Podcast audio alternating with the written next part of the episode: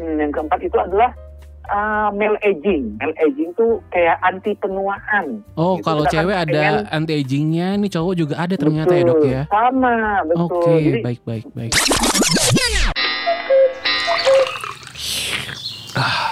Ngopi yuk, ngobrolin profesi.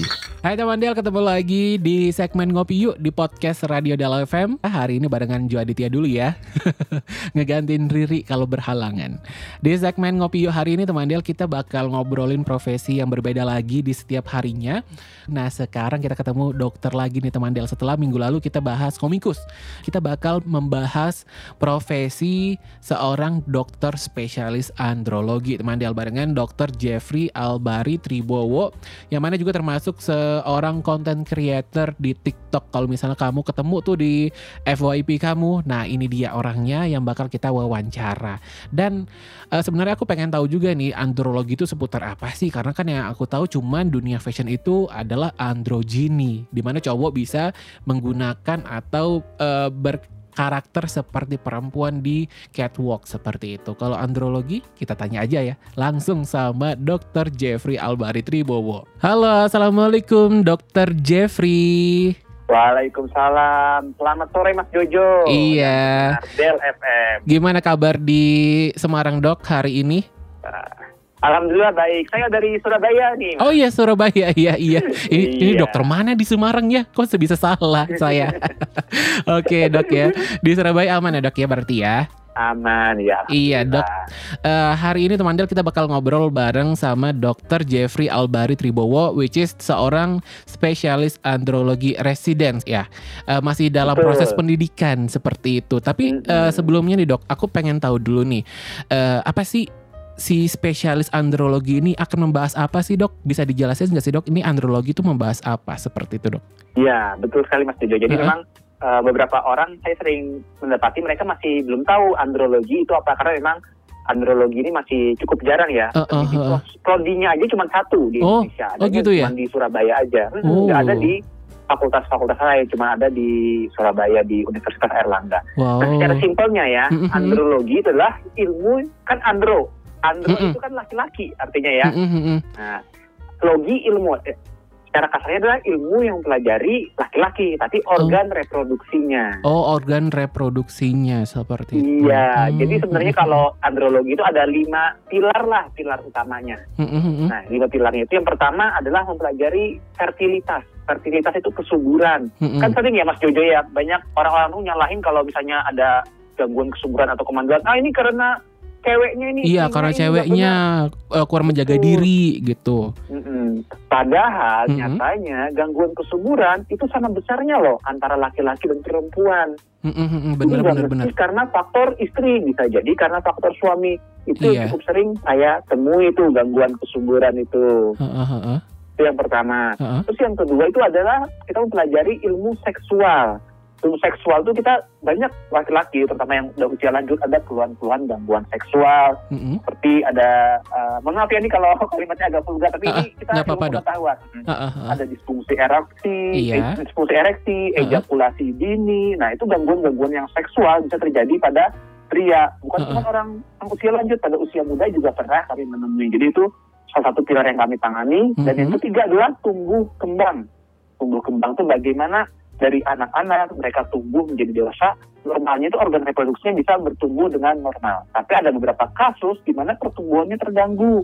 Contohnya ada orang anak-anak yang ternyata penisnya lebih kecil heeh. dari ukuran normalnya. Betul, betul, Nah, itu betul. salah satu penanda ada gangguan nih di hormon dan segala macam. Kayak. Kasus ini nggak sih dok? Eh, kasus atlet yang kemarin hampir Betul, mirip nggak sih? Itu berarti itu ya yang itu ya. eh, itu ranahnya spesialis andrologi ya? Betul, itu salah satu ranah di bidang andrologi. Jadi memang saya cukup sering nemuin kasus-kasus. Jadi banyak orang tuh yang ketika lahir dia langsung tapi nih laki-laki perempuan. Padahal sebenarnya jenis kelamin itu belum jelas. Nah, kadang dengan kita kesalahan netapin, oh ini udah nih kayaknya dia laki-laki deh. Padahal Mm, ternyata dia perempuan. Perempuan. Dibesarkannya layaknya laki-laki, heeh, ternyata dia sebenarnya kok payudanya saat eh, remaja membesar ya. heeh, kok heeh. Eh, organ reproduksinya kok nggak mirip seperti laki-laki. Nah, ternyata ada kesalahan. Dan itu cukup sering saya temuin itu. Atau bahkan sebaliknya, dia yang sebenarnya laki-laki ternyata dibesarkan perempuan. Karena sering salah persepsi. Itulah kenapa penting banget untuk kita ketika bayi baru lahir kita harus melakukan pemeriksaan lengkap nih.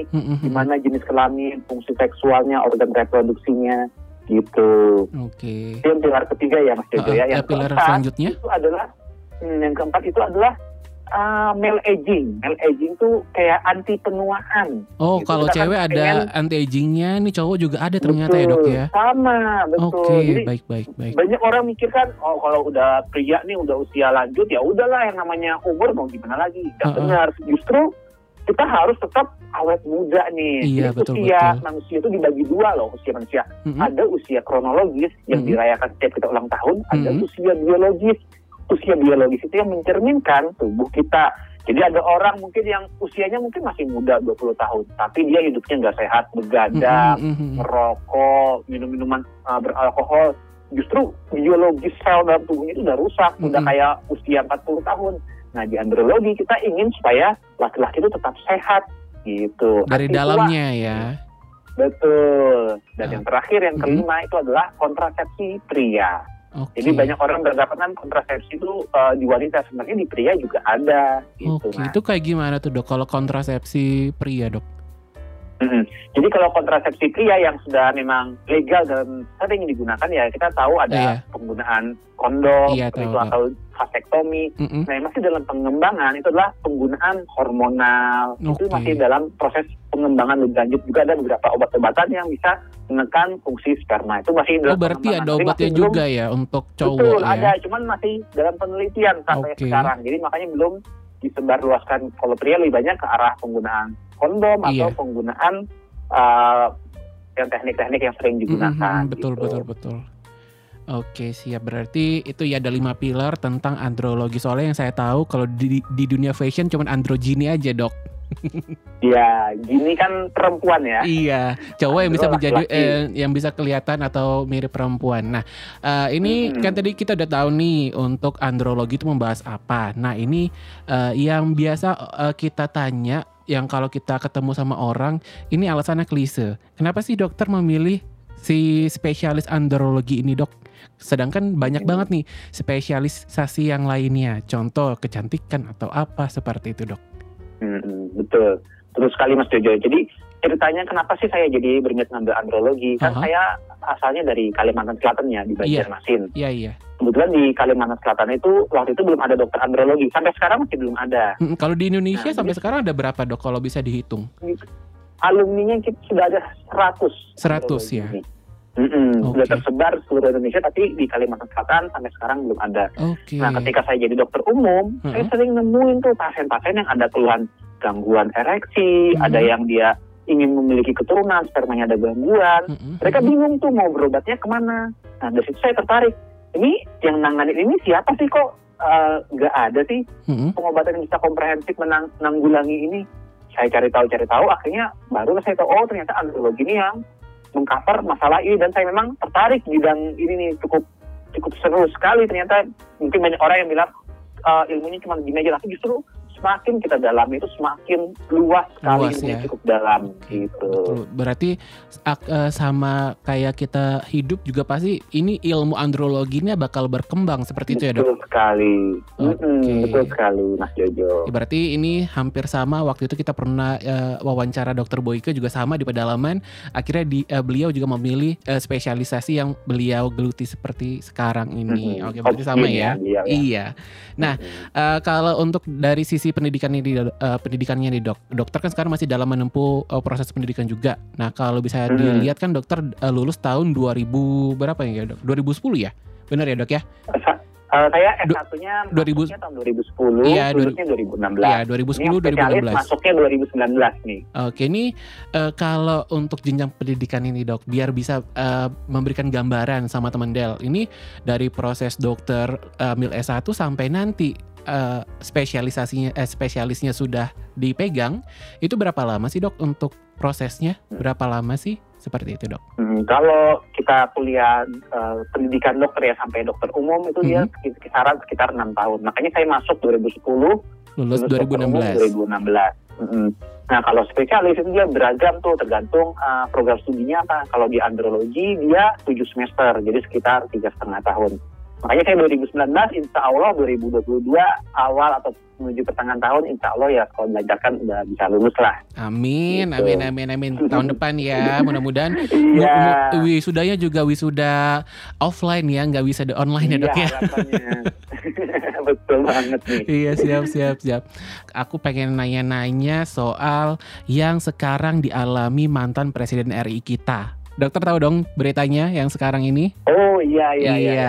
Kalau untuk kanker prostat ini masuk ke andrologi atau kayak gimana nih dok? Karena kan ini dialami seorang pria dok. Mm-mm, betul. Jadi kalau kanker prostat dia Mhm. mungkin lebih condong ke arah dokter urologi ya. Oke. Tapi kami di bidang andrologi juga sering tuh melakukan pemeriksaan prostat. Biasanya karena kami ada memberikan terapi, jadi kami mengevaluasi dulu fungsi prostat. Nah, biasanya prostat itu ada keluhannya nih, kadang kalau dia membesar, entah karena kanker atau karena tumor yang jinak membesar secara normalnya, Mm-mm. karena dia usia lebih lanjut, itu tanda- tanda-tandanya ada seperti kesulitan untuk berkencing, Mm-mm. kemudian merasa kencing tidak lampias. Nah, untuk tahu ada kanker apa enggak, salah satu indikatornya kita biasanya melakukan pemeriksaan darah. Nah, Oke. itu pemeriksaan darah itu bisa tahu nih ada meningkat apa enggak nih untuk penanda kanker prostatnya gitu. Kalau kami sih rutin memeriksa itu biasanya ke pria-pria yang usia lanjut gitu, Mas. Oke, kalau untuk eh, yang muda belum ada ya dok ya?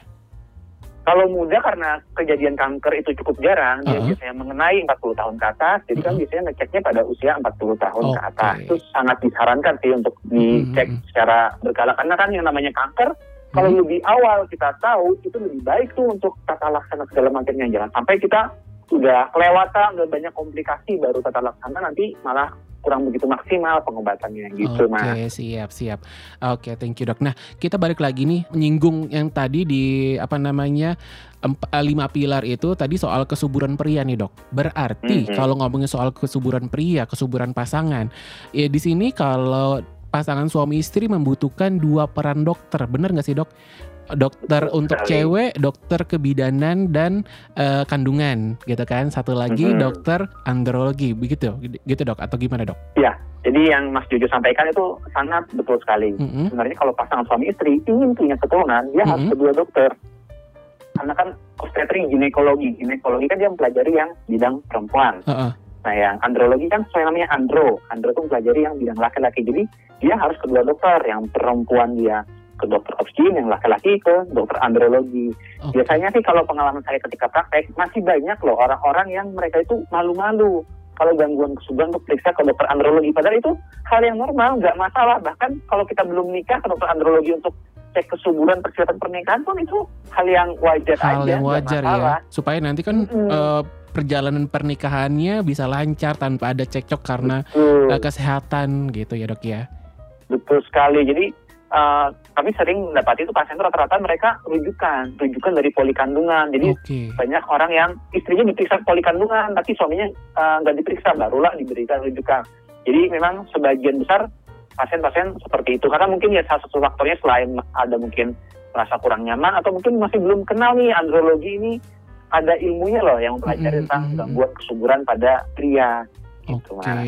oke berarti ini bi- bisa kasih gambaran juga nih buat teman Del. Mungkin nanti kan ini ad- eh, pendengar kita dari 15 sampai 35 nih dok. Mungkin udah ada yang nanti ya Hmm. bakal menjalani eh, dunia pernikahan. Berarti nggak cuma cewek aja nih harus ke dokter kandungan dan kebidanan, cowoknya juga biar nanti nggak ada.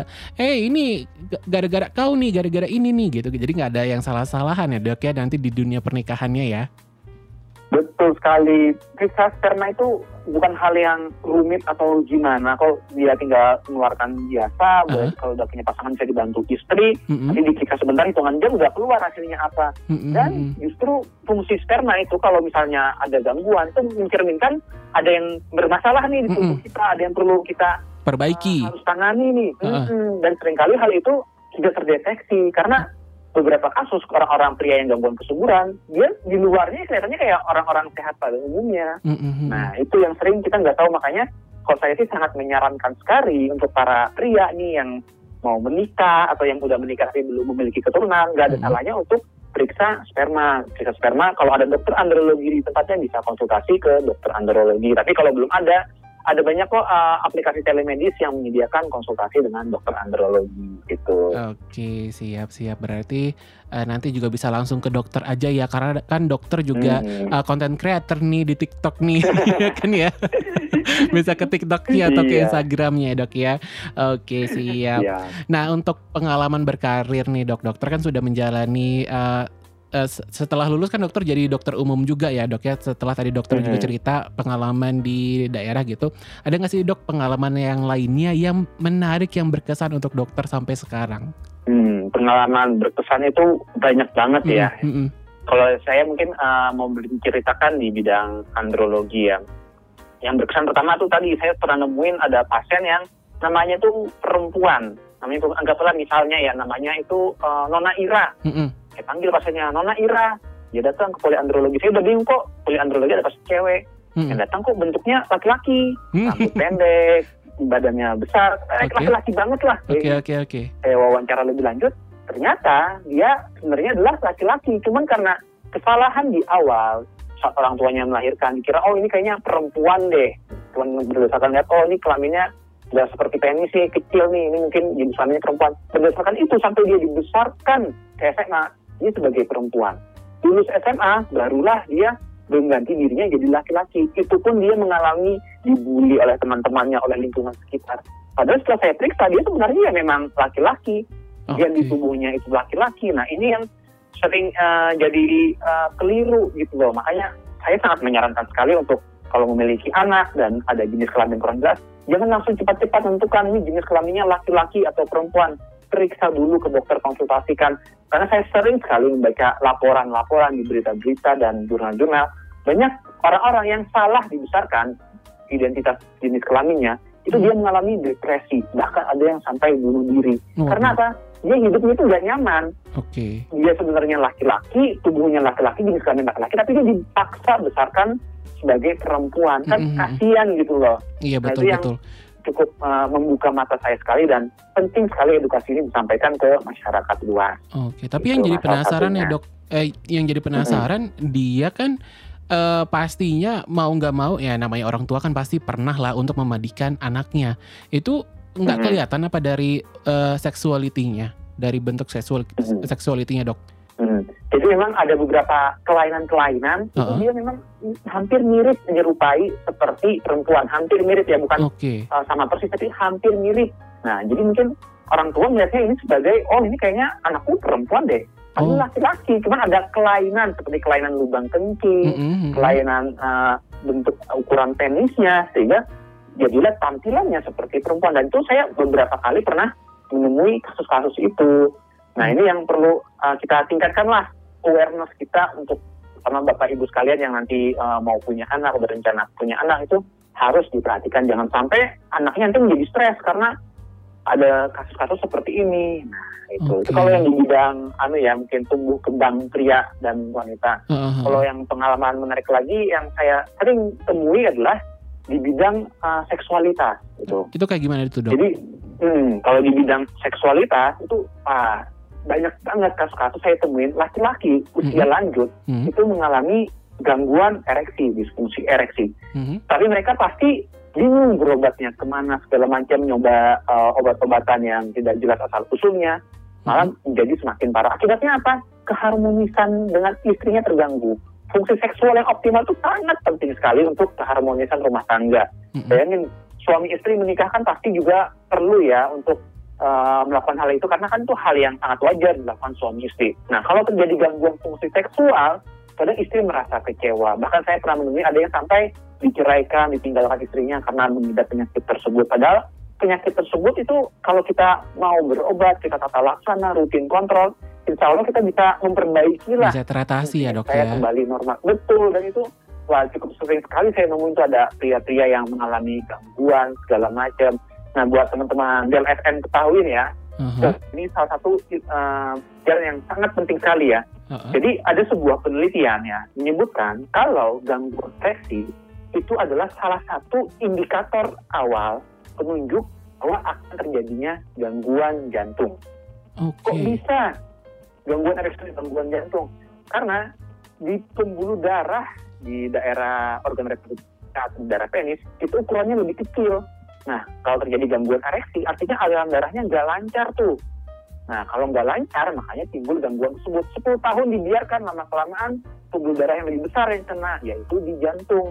Makanya kalau orang-orang yang gangguan ereksi dibiarkan gitu-gitu aja, itu sebenarnya ada masalah yang sangat serius di tubuhnya yang perlu ditata laksana. Dengan diobati segala macam, kita jadi tahu, oh ini ternyata ada masalah di gulanya, ada masalah di kolesterol, ada masalah di hal-hal lain.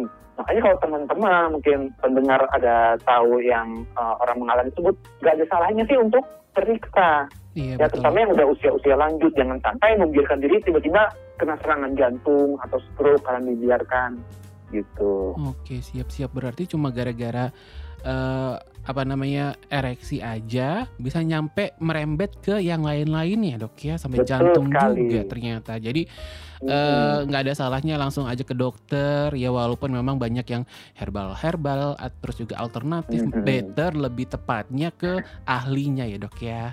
Betul sekali Mas Jojo. Oke, siap.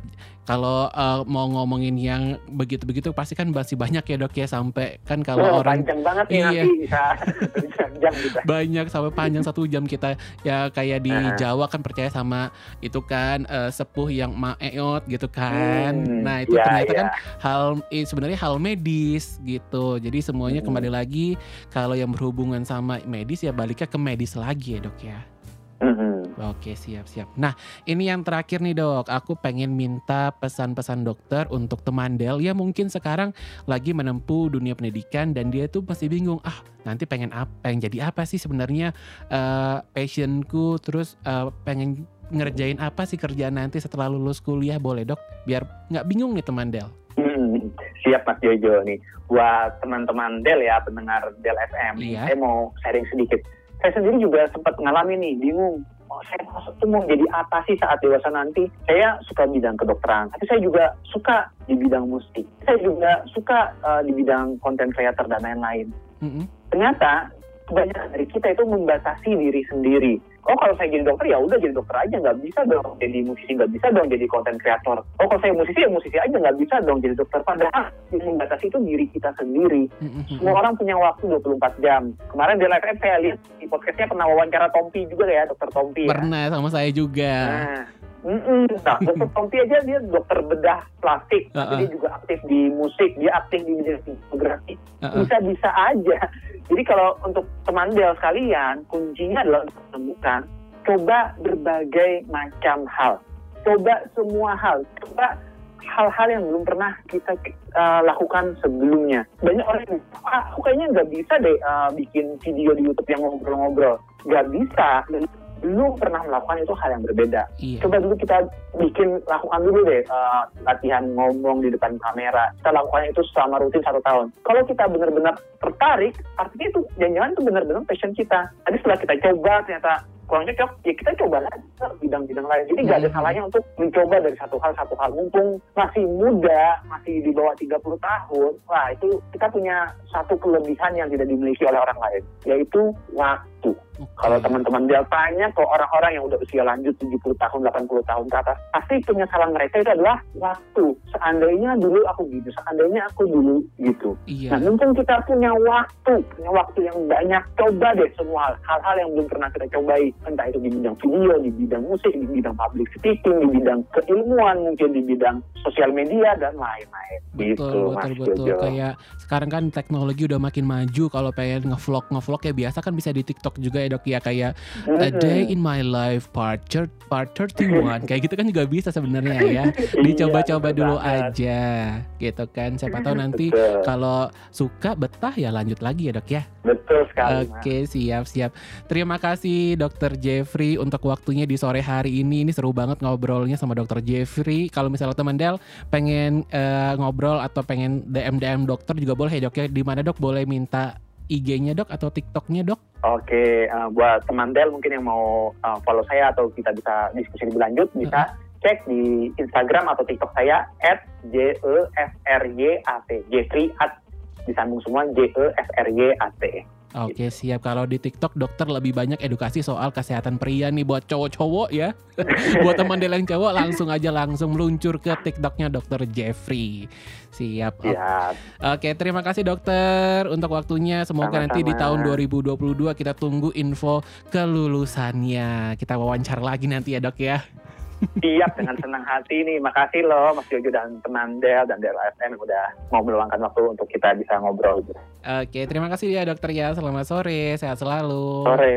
Itu dia tadi teman Del obrolan kita di Ngopi Yuk ngobrolin profesi yuk. Kali ini bareng Dr. Jeffrey Albari Tribowo, seorang residen dokter spesialis andrologi. Kita bahas spesialis andrologi kayak gimana tadi prosesnya dokter bisa uh, memilih profesi sebagai spesialis andrologi itu kenapa dan juga beberapa hal-hal tentang kesehatan pria. Jadi buat kamu nih, mau yang cewek atau yang cowok bisa diingetin yang cewek atau ke pasangannya ya. Kalau kamu yang cowok juga kalau dari sekarang better kamu periksa periksa-periksa juga deh ke dokter gitu kan supaya nanti kalau misalnya udah masuk nih ke dunia atau ke jenjang pernikahan sama pasangan kamu nggak ada cekcok cuma gara-gara kesehatan gitu. Jadi nggak bisa nyalain satu orang aja. Ternyata kedua pasangan mau itu uh, uh, yang cewek ke dokter kandungan dan juga kebidanan, yang cowok ke dokter andrologi gitu teman Del. Jadi semangat juga buat kamu nih yang sekarang lagi atau dalam proses mencari uh, passionnya kamu kayak tadi dokter Jeffrey bilang dicobain dulu aja semua bidang gitu kan dicobain dulu jangan bilang enggak karena kan belum nyoba. Karena kan belum tahu rasanya kayak gimana ya kan? Dicobain dulu kalau misalnya di satu bidang nggak suka cobain bidang yang lain. Kalau bidang yang lain suka diterusin digeluti sambil coba bidang yang lain lagi. Karena kan sekarang dunia semakin berkembang nih teman Del. Sosial media sekarang udah banyak ya kan? Pokoknya semangat buat kamu. Dan juga kalau misalnya kamu punya referensi profesi yang mau kita bahas di Ngopi Yuk boleh banget kamu saranin di WA kita di 0811 6219924 Jadi tiap pamit kita ketemu lagi di segmen Ngopi Yuk berikutnya barengan Riri Manulang bye bye teman Del Nyantai di sore hari emang paling pas buat ngopi, ngobrolin profesi. Cuma di Danatoba Show.